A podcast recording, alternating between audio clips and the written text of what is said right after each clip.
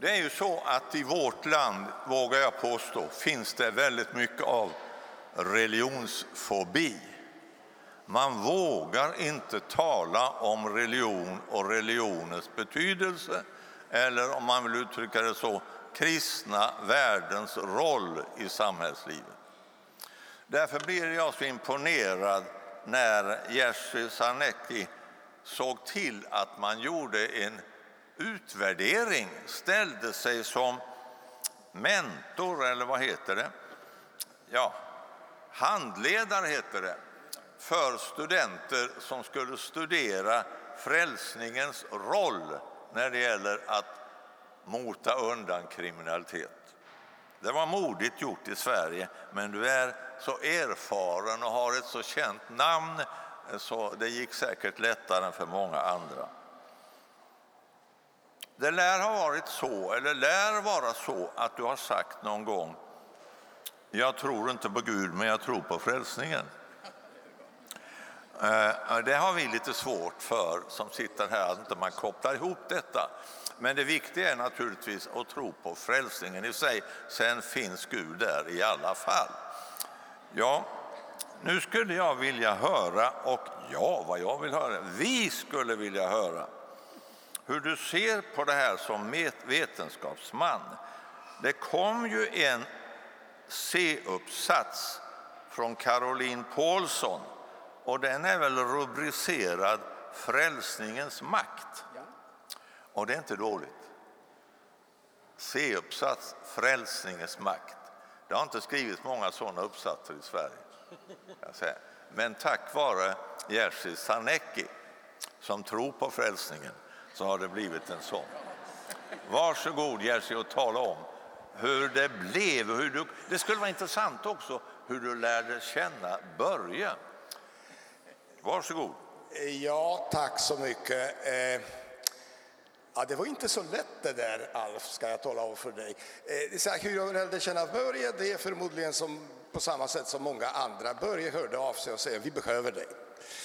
Och, och då, då, ställer man upp, därför att om Börje frågar så ställer man upp. Eh, sen är det ju så att eh, jag är ju forskare, jag är inte Eh, en person så att säga med eh, någon sorts allmänt intresse för saker och ting, men jag försöker fördjupa mig med saker och ting. Och då finns det en väldigt intressant teori inom kriminologi som kallas för kontrollteorin. Och jag ska inte hålla en lång föreläsning här för då åker jag ut. Utan säga så här att det går ut på att vi människor är inte fria att, till att göra vad vi vill göra därför att vi är beroende av andra människor. Att vi är beroende av sammanhanget. Och vilka sammanhang det kan handla om kan vara väldigt olika. Men självklart är det mycket möjligt att människor, eller helt säkert att människor som är religiöst engagerade, arbetar i en församling, tror på Gud, gör viktiga saker för samhället, det är sådana människor som inte begår så många brott. Jag kan avslöja att en gång i tiden så var det faktiskt på det sättet att brottsligheten var mycket lägre i Jönköpings län och i Västerbotten än i andra delar av landet. Gissa varför? Rätt! Jag kan få några poäng sen av mig. Eh, så att eh, när Börje kom och berättade för mig om eh, det de gör, det Ankarstiftelsen gör i, i Colombia, så, blev jag, så insåg jag helt plötsligt att ja, han gör det därför att han är religiös, engagerad man. Men som kriminolog så tycker jag att han gör helt rätt. Det är helt enkelt så att om människor får gemenskap med varandra och med Gud i det här fallet, så kommer de helt enkelt att kunna frälsas. Inte frälsas i termer av att de blir väldigt religiösa, vilket de kanske också blir, men i termer av att de kommer att förändra sina liv. Och då är det just inom den där teorin som jag berättar om, kontrollteorin, finns det idén om turning points, vändpunkter. Och det är helt klart och visat vetenskapligt att en sådan turning point, vändpunkt kan vara religiös övertygelse. Kan vara alltså då att ansluta sig till något som är viktigt för människor och som man kan arbeta tillsammans för människor. Och när jag insåg detta så tyckte jag att jag måste stödja Börje i det här för att han gör helt enkelt väldigt viktiga saker. That's it.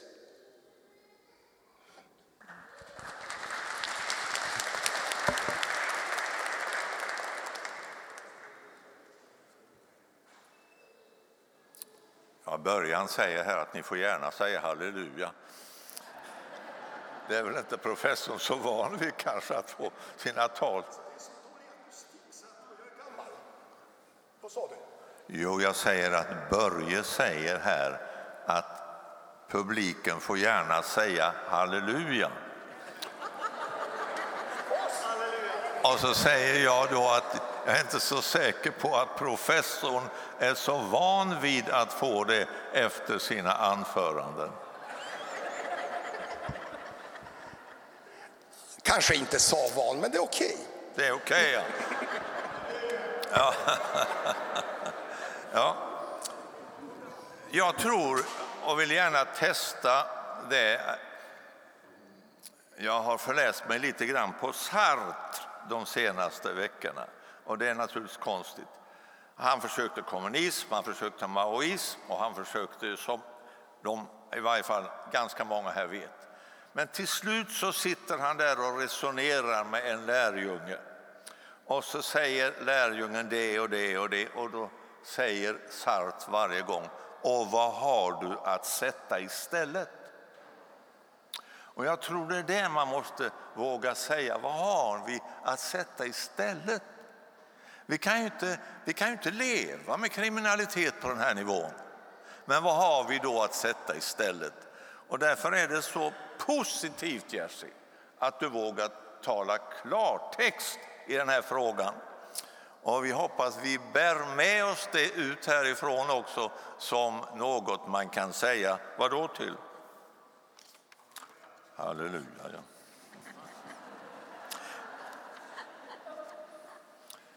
Här på podiet sitter en kvinna som många av er känner igen. Hon heter Elise Lindqvist. Om en månad fyller hon 84 år. Ja. Halleluja.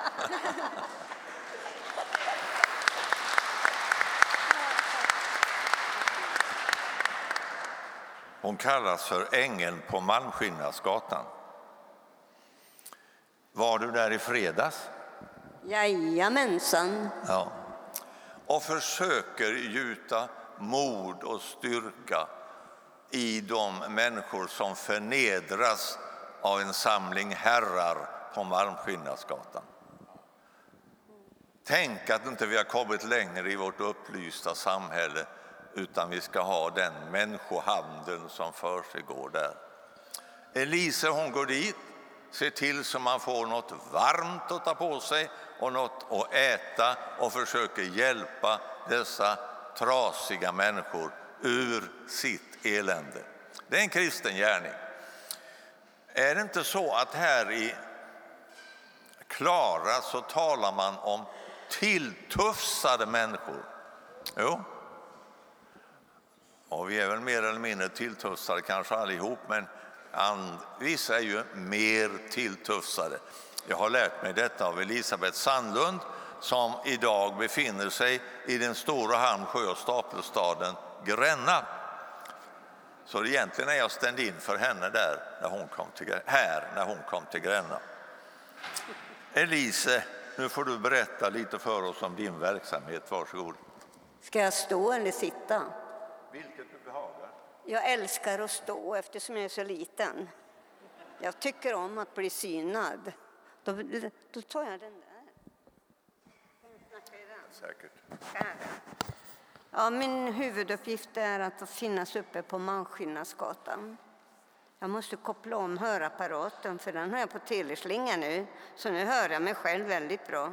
Så där, nu börjar det bli ordning i huvudet på mig. Det är underbart. Under mina nu påbörjade 25 år som jag varit på Malmskillnadsgatan. Det började sakta men säkert och det började här. Och den första som pratade med mig för 26 år sedan börjar det bli, är. Och det var Karl-Erik Salberg som då frågade, då sitter jag långt bak och då är jag mycket nedgång, jag är inte där jag är idag i alla fall. Han frågade mig om jag ville vara med i Klara kyrka och det började. Och sen till slut så frågade Karl-Erik Salberg och Inga Pagreus som sitter här, vår diakonissa, hon var det då i alla fall, och där, du, du är gått i pension nu. Ja, men du är fortfarande kvar, alltid diakon. Det. De två frågade mig om jag ville följa med upp på Malmskillnadsgatan. Jag visste inte vad det var för någonting. Men när jag kommer upp på gatan, och det är alltså då början för 25 år sedan, då kände jag att här vill jag vara. Och då säger jag det till Karl-Erik och Inga, att det här vill jag vara, det här vill jag jobba med. Då säger Karl-Erik till mig, jag visste det. Och du får bestämma dag och dag, precis allting. Men, kom ett men också alltid med när det gäller Karl-Erik, det får inte kosta någonting. Och det är typiskt alltså. Så det var bara att sätta igång. Så jag valde då fredagar och så valde jag ut eh, människor som jag hade börjat lära känna. Men här började jag och här känner jag igen mig själv. Jag ser precis de här flickorna som kommer upp och säljer sig.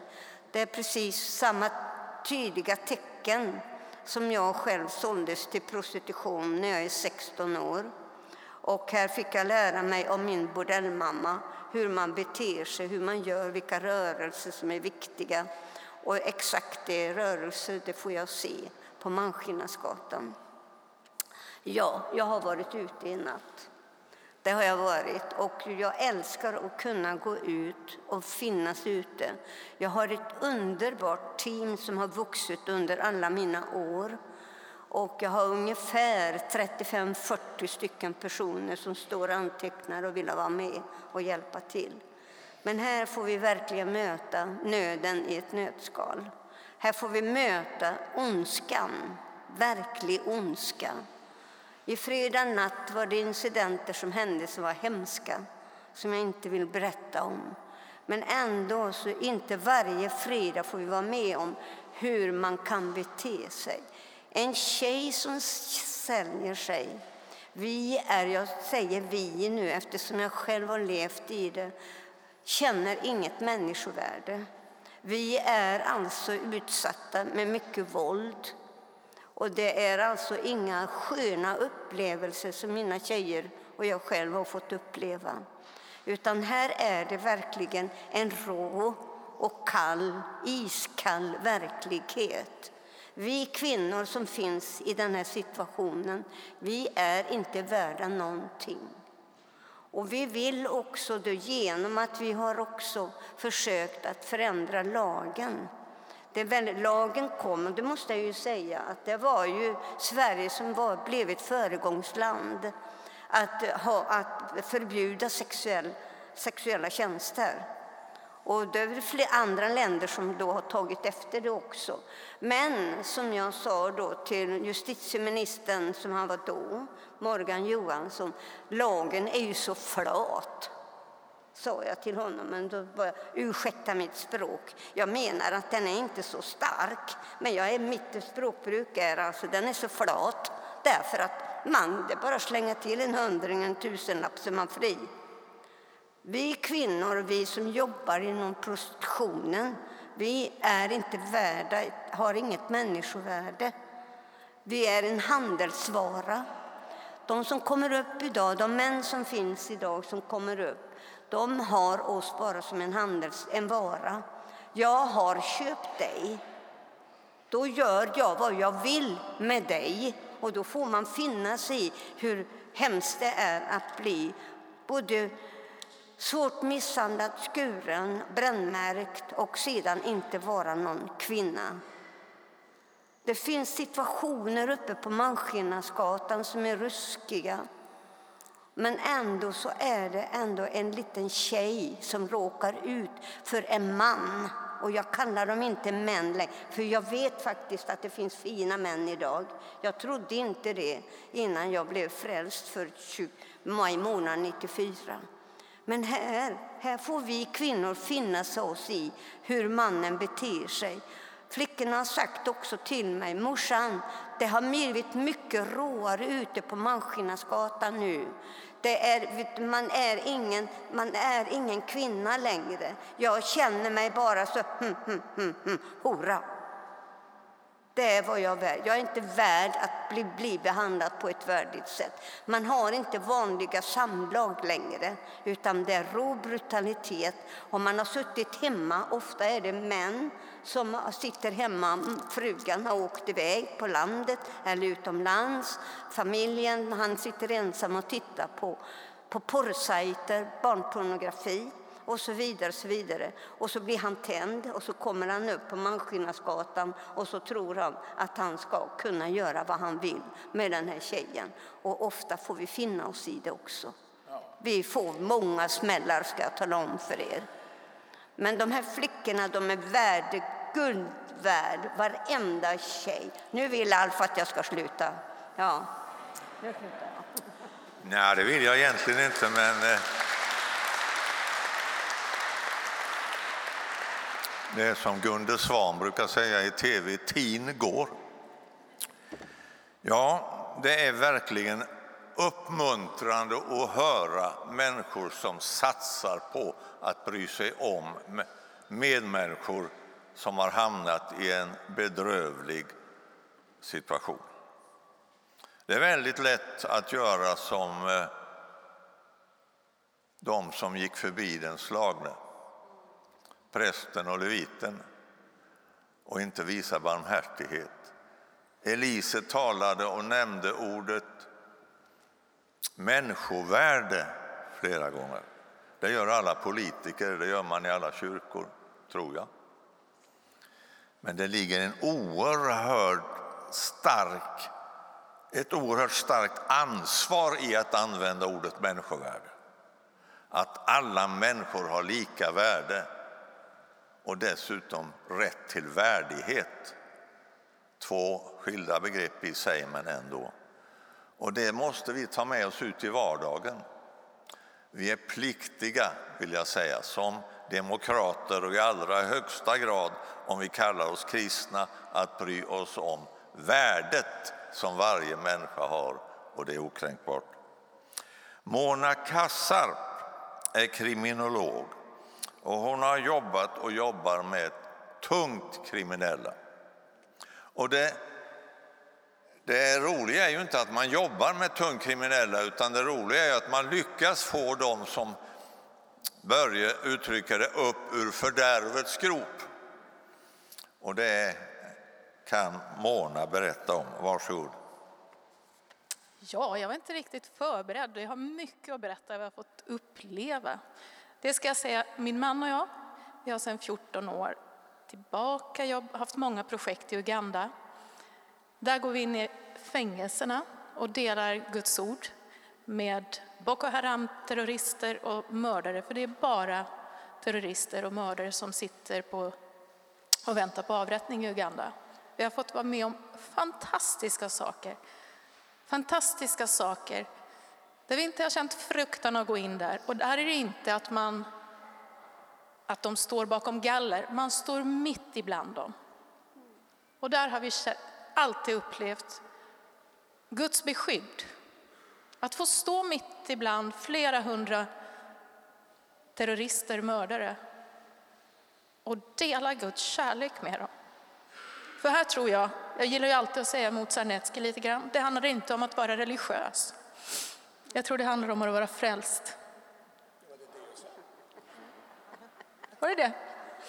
Att religiös, att, att ha religionen, det är många som har en religion, men att vara frälst och ha haft mötet med Jesus och få bli, få bli det här hoppet, bli någon slags ett ställ, alltså jourhavande hopp för människor som är djupt nere i mörkret.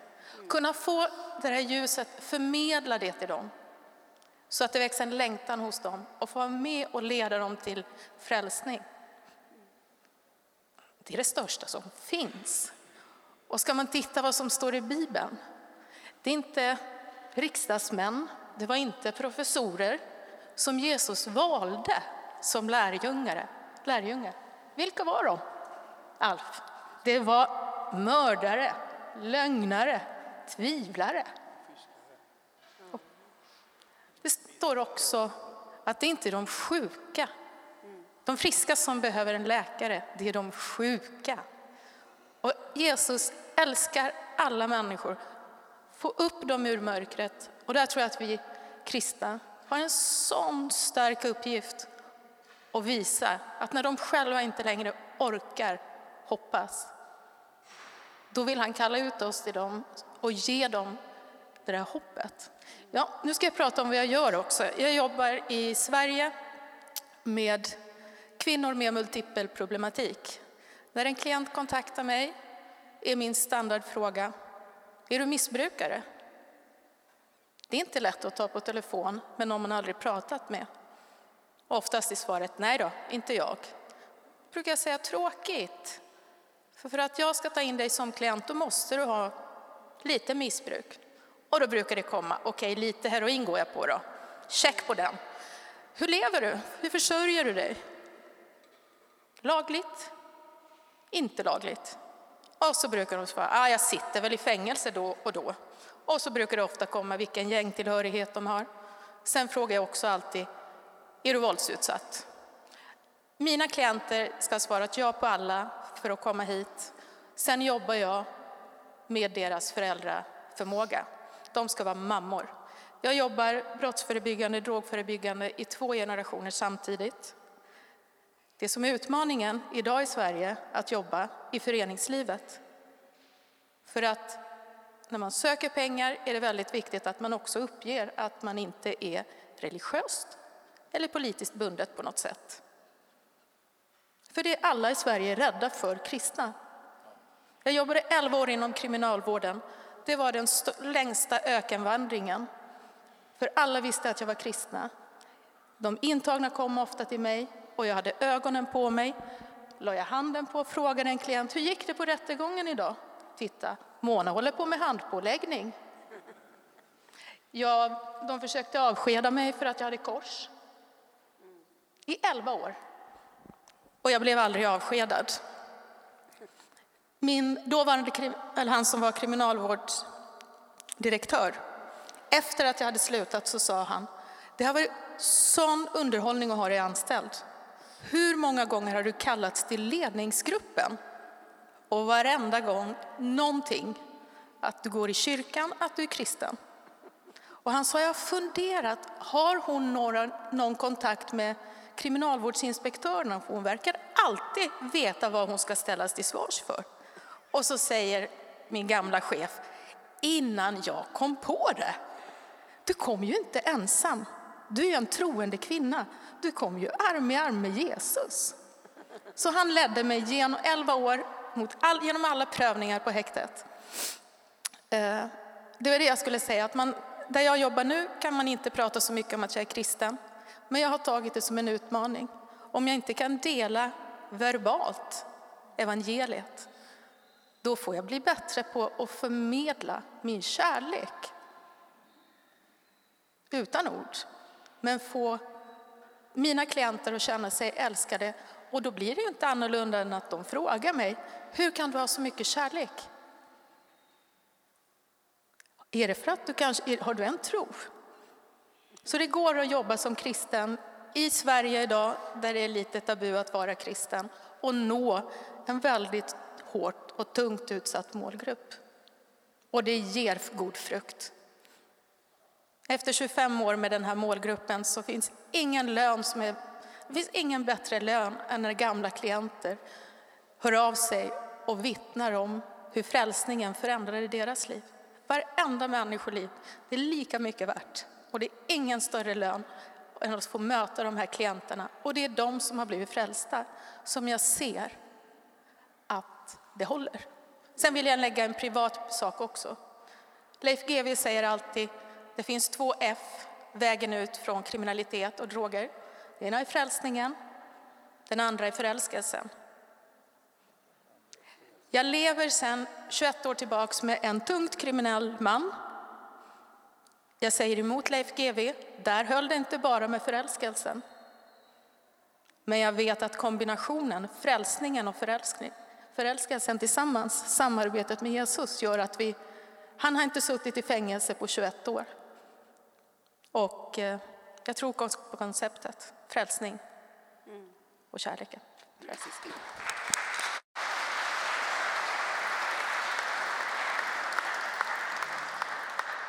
Ja, det är ju ingen dålig kombination, frälsningen och förälskelsen. Eh, sen är ju frälsningen i sig i allra högsta grad just kärlek. Och kanske har vi inte alltid presenterat den så, så att medmänniskor uppfattar den som något kärleksfullt. Jag vill gärna stryka under ett ord i det här sammanhanget och det är förlåtelse.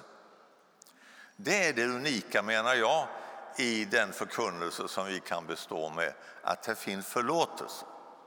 Om dina synder än är blodröda så kan de bli vita.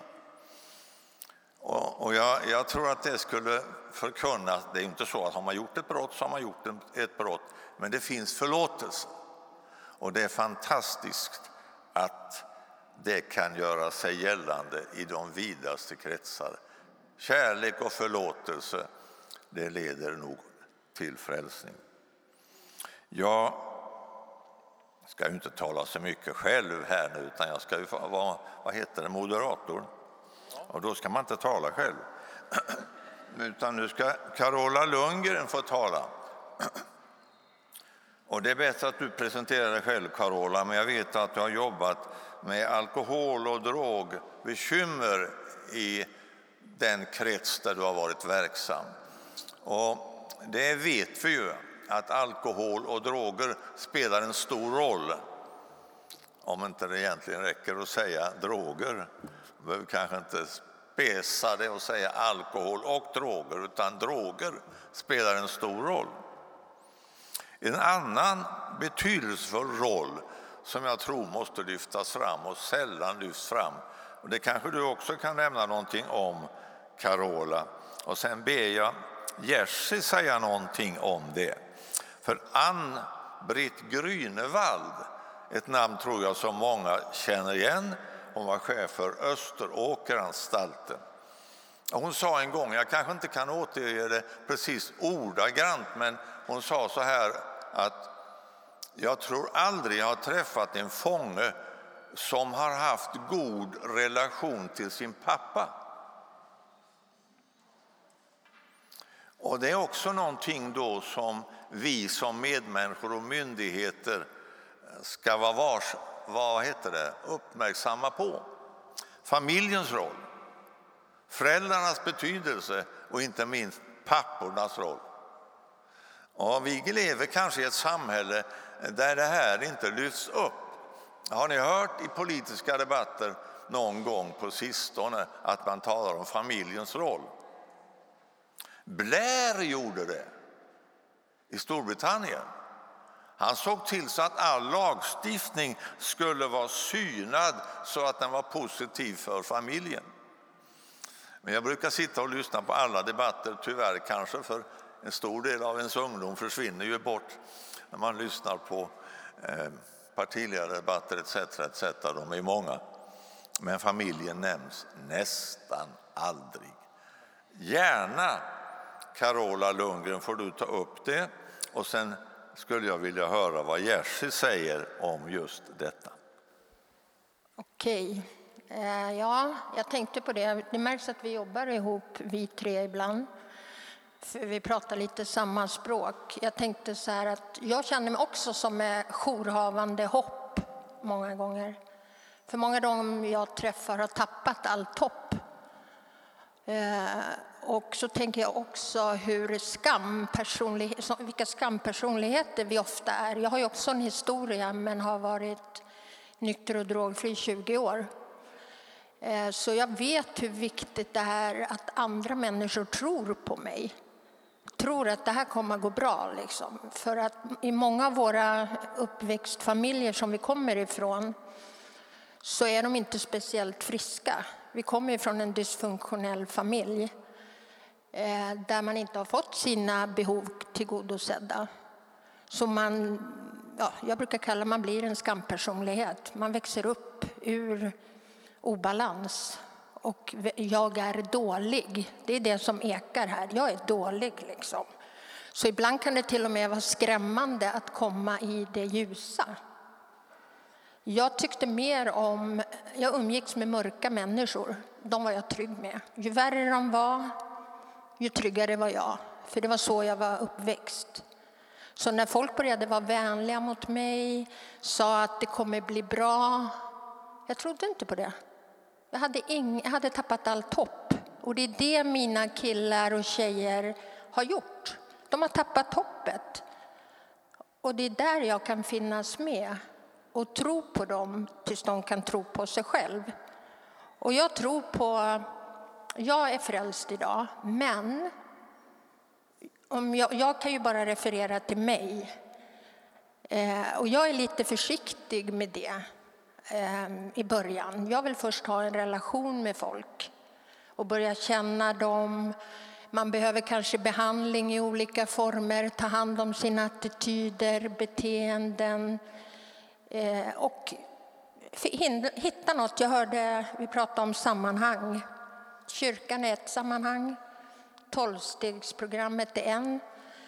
Eh, få en tillhörighet igen och komma från det här mörka, dysfunktionella. Det tror jag på.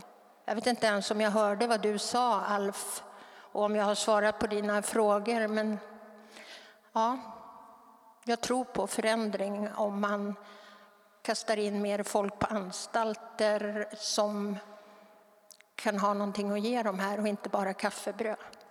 Det är väl det jag tänker på. Tack.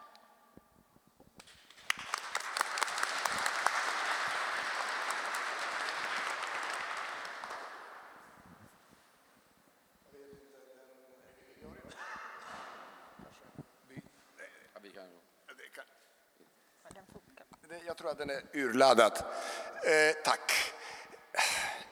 Ja, det där är ju en sorts evig fråga skulle jag vilja säga. Eh, familjen.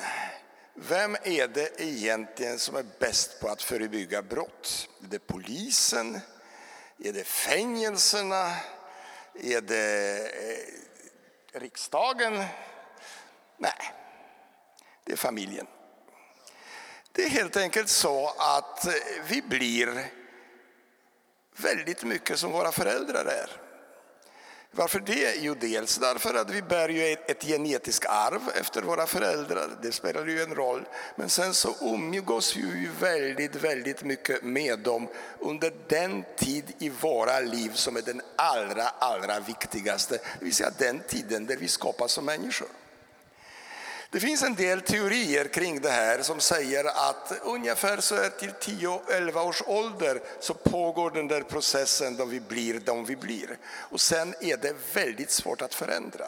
Jag är inte helt säker att det är helt korrekt. Men det är i alla fall så att ska vi förändra, ska vi påverka, så ju tidigare vi börjar, desto större chanser har vi att åstadkomma det.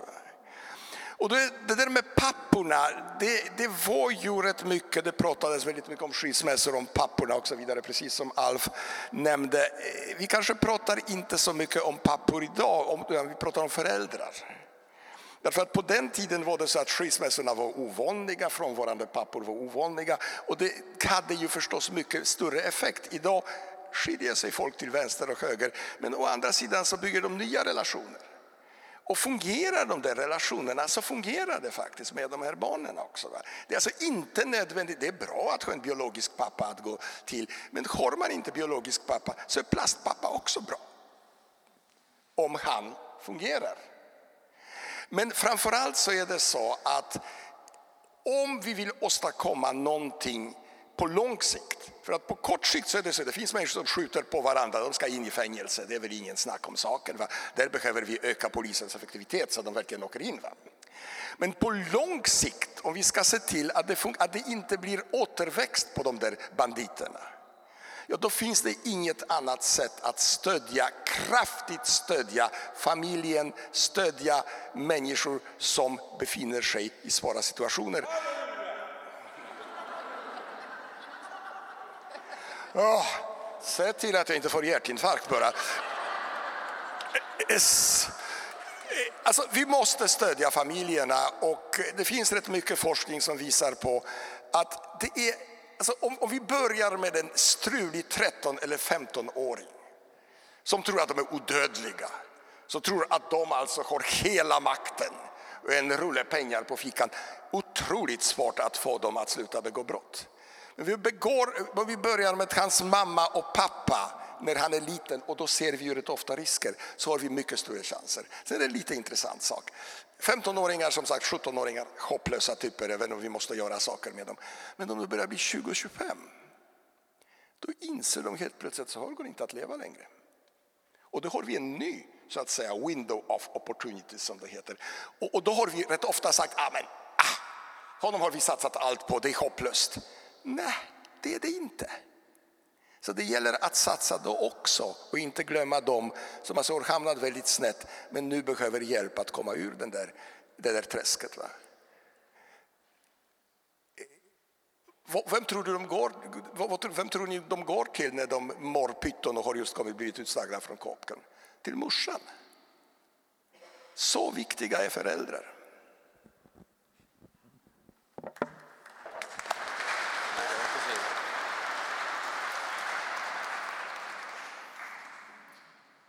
Jag tycker det är, det är väldigt styrkande och stärkande att höra dig med sån kraft tala om familjens roll. När ni hör politiker nästa gång lägga ut texten i tv och de glömmer nämna familjen när det blir tal om att mota bort kriminalitet. Skriv till den politikern och säg du glömde ju nämna familjens roll.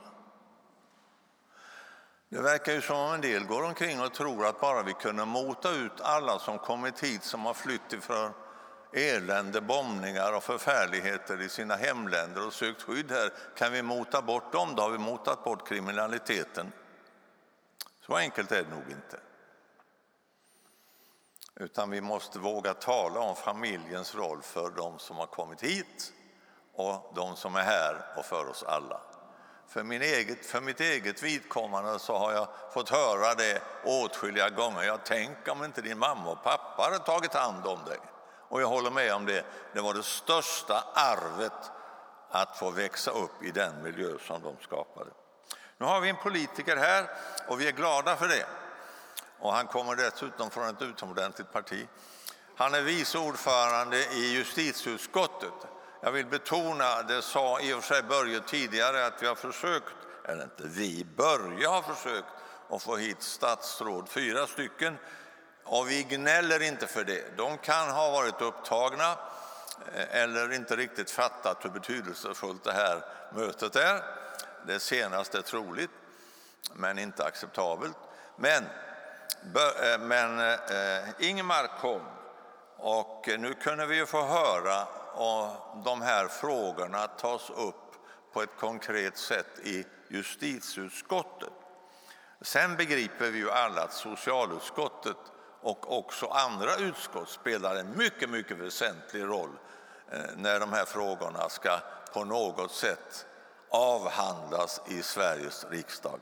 Varsågod Ingmar. Tack så mycket. Det är eh, väldigt intressant att sitta här och det finns ju så många kloka tankar från mina paneldeltagare. Det handlar ju om det här som så många har, det handlar om starten i livet. Det handlar om de goda förebilderna. Och för att svara på frågan som Alf ställer, diskuterar vi det här i justitieutskottet? Då ska jag säga ärligt, på det här ett och ett halvt året som jag har suttit i justitieutskottet så har det handlat väldigt mycket om det Alf nämnde i början. Det handlar om de här krisåtgärderna, det sprängs, det skjuts, man säger vad ska vi göra för att greppa det här? Och det är naturligtvis så att vi behöver återta den marken. Att man ska kunna vara trygg när man rör sig ut i samhället. Man ska inte riskera saker. Men vi behöver också ta steget vidare nu, precis som så många har nämnt här. Hur tar vi hand om det? Hur undviker vi att en unge tar fel väg i livet? som känner att det här är så svårt i skolan. Det är så lätt att ta den här vägen när man ser på sina förebilder som i 15-årsåldern, precis som Jerzy säger, har bunten av sedlar i fickan. Det är då vi behöver vara där på tå, samhället. Precis som Alf nämnde, det är många instanser. Vi pratar om att skola, att, att socialtjänst, polis och fritidsverksamhet ska aktivt gå in och se, här är det en, en individ, ett barn, en ungdom som är på väg åt fel håll. Precis som nämns här, föräldrarna, det är den viktiga som vi ska stödja med föräldrautbildning. Men ibland så räcker inte föräldraskapet till. Då behöver vi politiker hjälpa till och stötta. Och precis som har nämnts sen, när man har tyvärr hamnat på fel väg i livet och tjänar av sitt straff, då måste det finnas en möjlighet, en, en öppning från samhällets sida att ta den rätta vägen. Jag satt på Tidaholmsanstalten nu och gjorde studiebesök och satt en halvtimme och pratade med några av de grövsta brottslingarna vi har i Sverige. Och de, de gav en bild av att det är inte lätt att när man kliver ut utanför portarna att ta steget till ett nytt liv. För det är så lätt att samhället inte står där och tar hand om, skapar en möjlighet med ett arbete, skapar en bostad, skapar en alternativ väg. Utan den lätta och kanske enda vägen ibland, det är att återvända till de här cirklarna, det som är så negativa. Och där finns också det som jag vet att Börje och många driver på. Det här civilsamhället, vi alla runt omkring, oavsett om vi är individer eller om vi är en organisation. Det handlar om att ge möjlighet att också som vi från samhällets sida släppa in det här. Vi ser vad Börje har gjort i Colombia där många människor trots grova eh, kriminalitet bakåt hittar en ny väg i livet. Man släpper in organisationer och det är faktiskt dags att vi gör det i Sverige. Här är det här, precis som Alf sa i inledningen, så fort man nämner Bibel eller kristendom så är det många som tar inte ett steg utan kanske fem steg tillbaka för att för överhuvudtaget inte få kontakten. Det kan gälla inom skolans område, det kan gälla inom politiken, det kan gälla inom kriminalvården. Men vi behöver vara öppna för att se att, som säger här, frälsningen, att en människa får möjligheten. Vi ska inte öppna upp så att alla ska vara, men de som vill söka den vägen. Och absolut Alf, vi behöver prata mycket mer om det i justitieutskottet och i Sveriges riksdag. Och jag ska göra vad jag kan och jag har fått väldigt mycket nyttiga kunskaper och input här.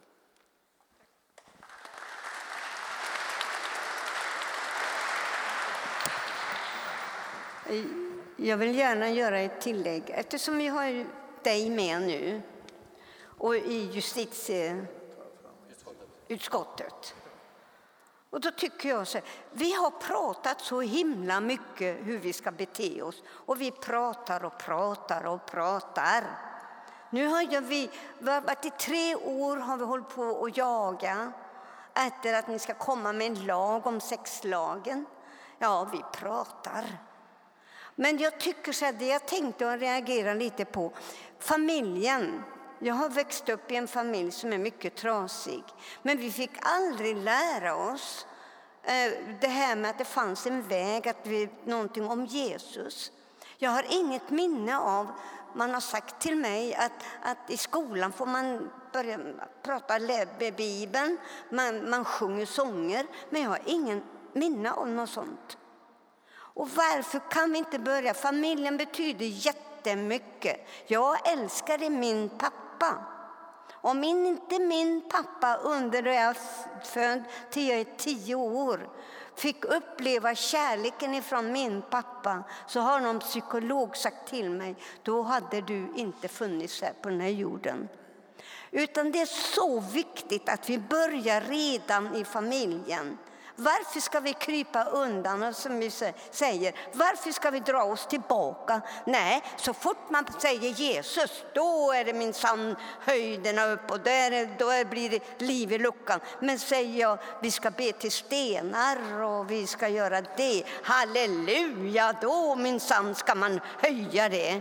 Varför går vi inte emot allt det här? Nej, vi är så naiva, vi är så blyga. Så nu vänder jag mig till dig. Ta med dig det här till justitiet... Utskott. Utskott. Ta med dig det här. Var finns lagen som jag och Rut Nordström la hos justitieministern Morgan Johansson? Det manglas och manglas. Och sen en annan sak ber jag dig, ta med dig det till justitieutskottet, sa jag rätt nu? Bra, halleluja, jag lär mig under tiden här nu. Men ta med dig att vi ska öppna Alfa. För att vi har varit inne på i Alfa och där människor, fångarna har fått känna på att det finns en Herre, det finns ett annat liv.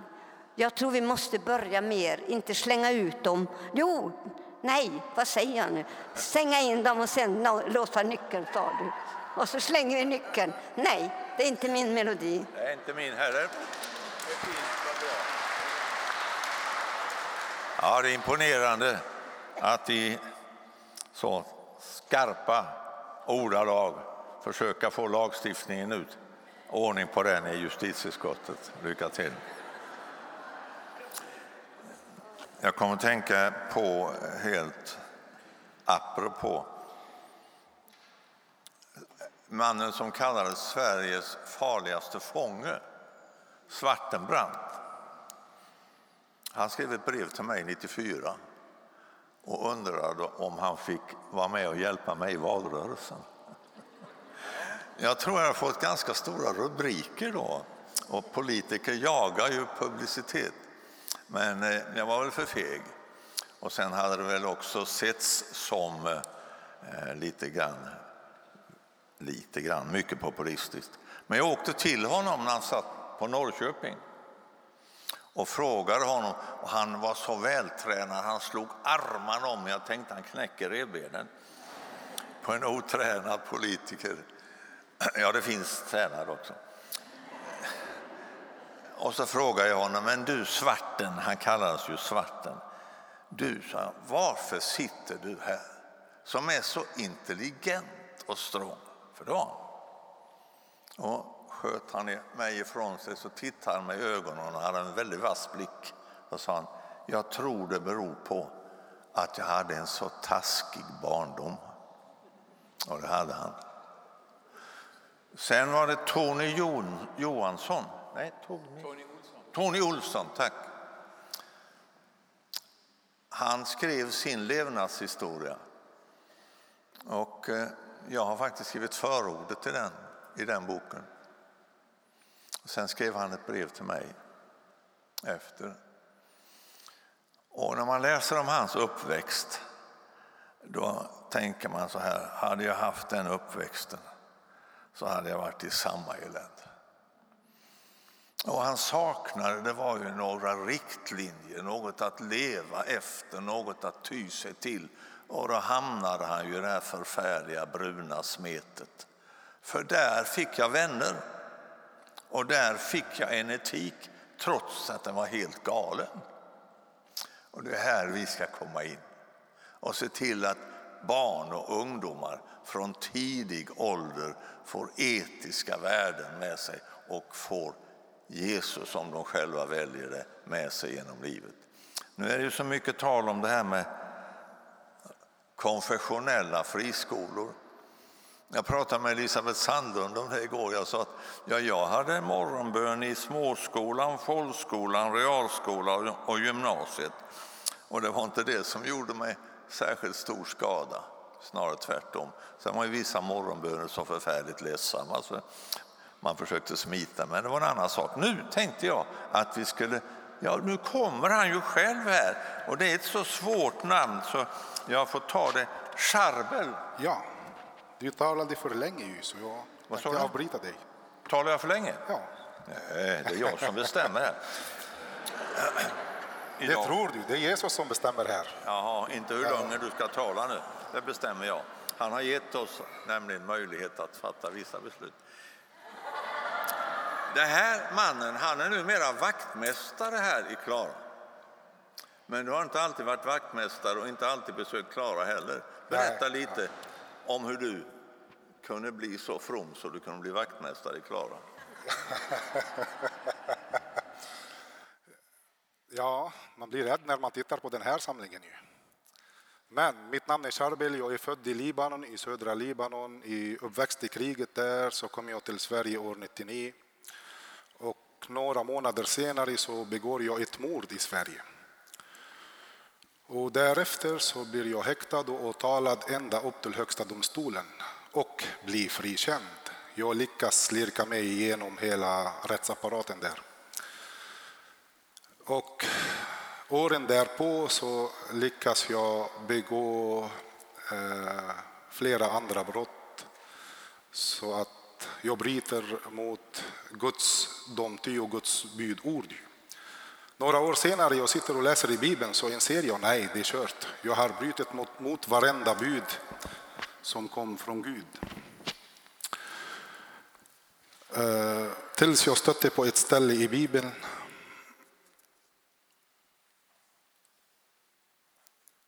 från Hesekiel-boken. Han säger så här. Men, men om den ogudaktige vänder om från alla de synder som han har begått och håller alla mina stadgar och gör det som är rätt och rättfärdigt, då ska han förvisso leva och inte dö. Ingen av de överträdelser han har begått ska då tillräknas honom. Genom den rättfärdighet han har visat ska han få leva. Och här är det som talade till mig. Skulle jag finna någon glädje i den ogudaktiges död, säger Herren Gud. Nej, jag vill att han vänder om från sin väg och får leva. Och då trillade polletten hos mig. Tänkte nej, Gud älskar mig trots att jag är en usel, trots att jag förtjänar helvetet, trots att jag borde stenas. Hade det brott som jag begick här i Sverige hade varit någon annanstans så skulle de ha avrättat mig antagligen. Men jag tog mitt förnuft till fånga och började läsa i Bibeln och fick tröst där och styrka. Och då kom det en dag jag hade bestämt mig, jag ska gå in och göra rätt ifrån mig, det får kosta vad det kostar. Och så kom den dagen, en fredag 2012, år 2012.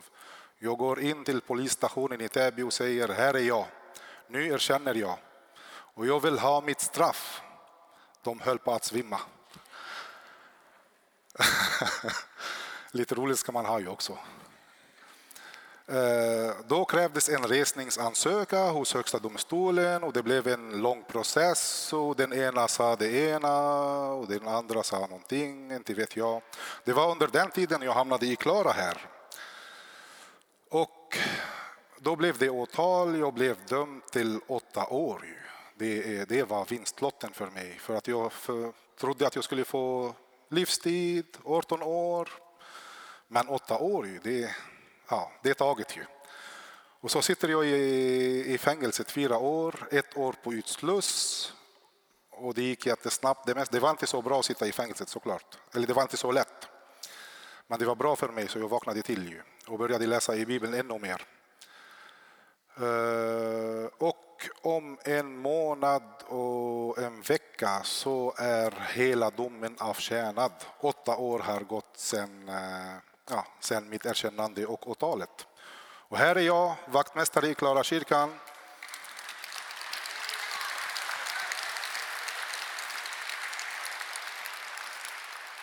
Och jag brukar säga så här.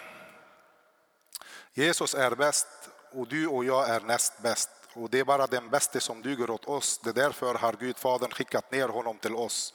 För att upphöja oss återigen till de bästa som en gång i tiden, som vi var ämnade ju.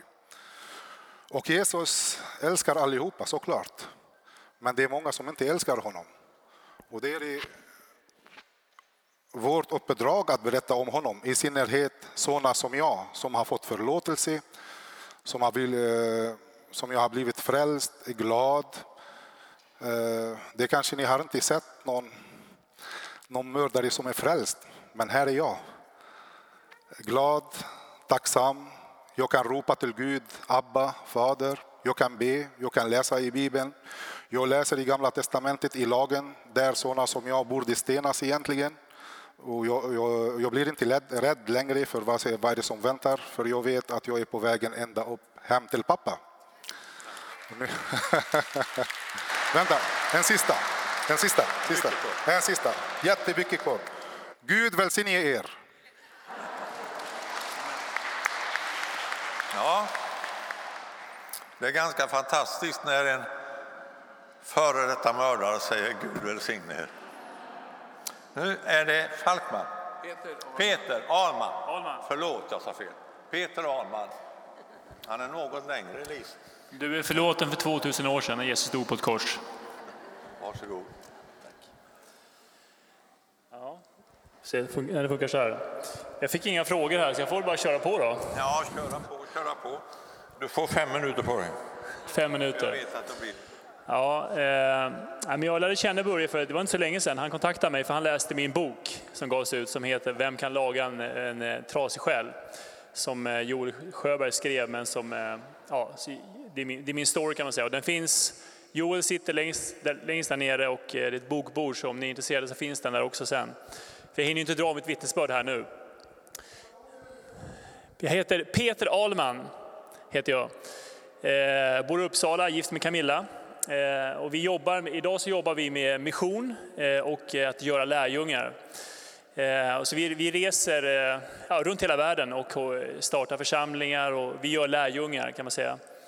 Eh, men så såg det inte ut eh, för, 15, för 20 år sedan. Då var jag tung kriminell, eh, också en fängelsekund, döende på droger. Jag växte upp i ett hem som var dysfunktionellt, så jag känner igen det här då med, med att utan pappa och sådär. Och, så det, var, det var, har inte varit någon rolig resa, men ni kan läsa mer om den i boken.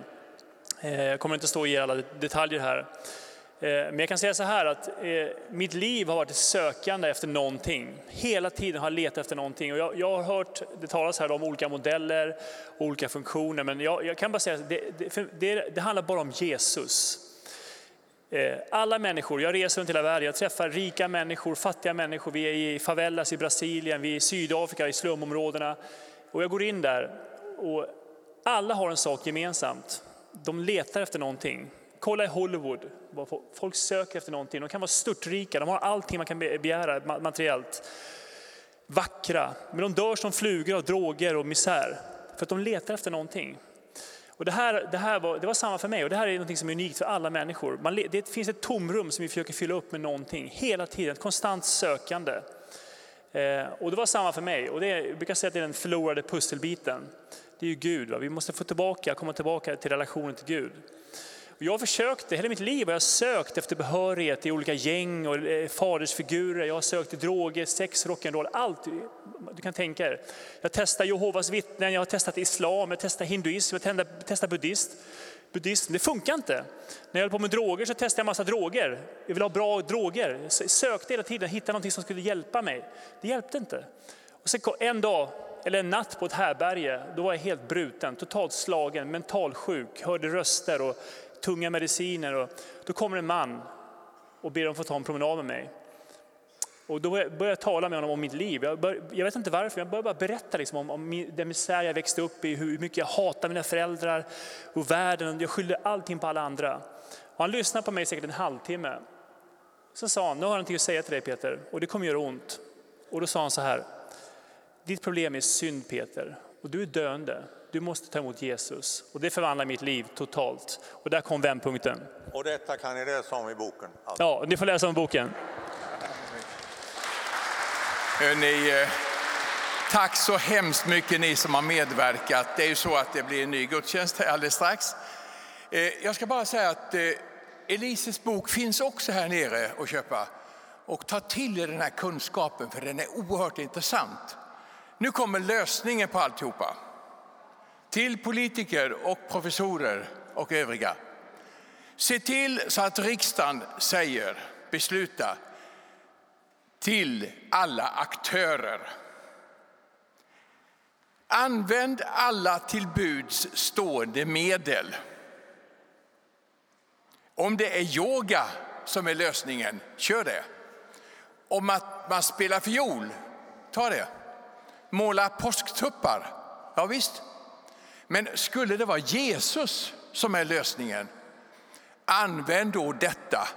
Då kommer vi att bryta den eh, kriminella utvecklingen i Sverige på mycket kort tid. Vi har krafter i olika organisationer, vi har det i LP och i olika. Det finns möjlighet att bryta det här mönstret om vi alla använder alla till buds stående medel. Och det är Jesus som är den starka kraften som lyfter upp ur fördärvets grop den djupa dyn. Och det måste vi förkunna. Vi tror på det, vi vet det. På 1600-talet visste man att eh, citronsaft hjälpte mot skörbjugg. Och hälften av alla sjömän som gav sig ut på långresor dog av skörbjugg. Trots att man visste om att citronsaft hjälpte. Så började läkarna förkunna det här, va? hur viktigt det var med citronsaft. Men det tog 200 år innan det blev vedertaget att alla skulle använda citronsaft. Ska det ta mer än 2000 år att få folk att begripa att det är Jesus som lyfter upp ur fördärvets grop den djupa dyn? Och det har regeringen ansvar för att ta det beslutet. Och om man nu inte vill ha kvar den brottslighet som vi har idag. Jag är skakad över detta, över det motstånd jag möter och den likgiltighet jag möter. Jag tycker det är ofattbart. Tack ni i panelen, tack Alf, tack för alla förståndiga synpunkter från olika här. Samtala med våra vänner här, de har väldigt mycket att delge. De har medverkat till förvandling. Carola har försvunnit. Hon har jobbat i Södertälje var det 70-80 stycken på de sista åren som nu jobbar på ett känt företag i Södertälje, sköter sig, betalar skatt. Där har vi lösningen. Tack så hemskt mycket allihopa.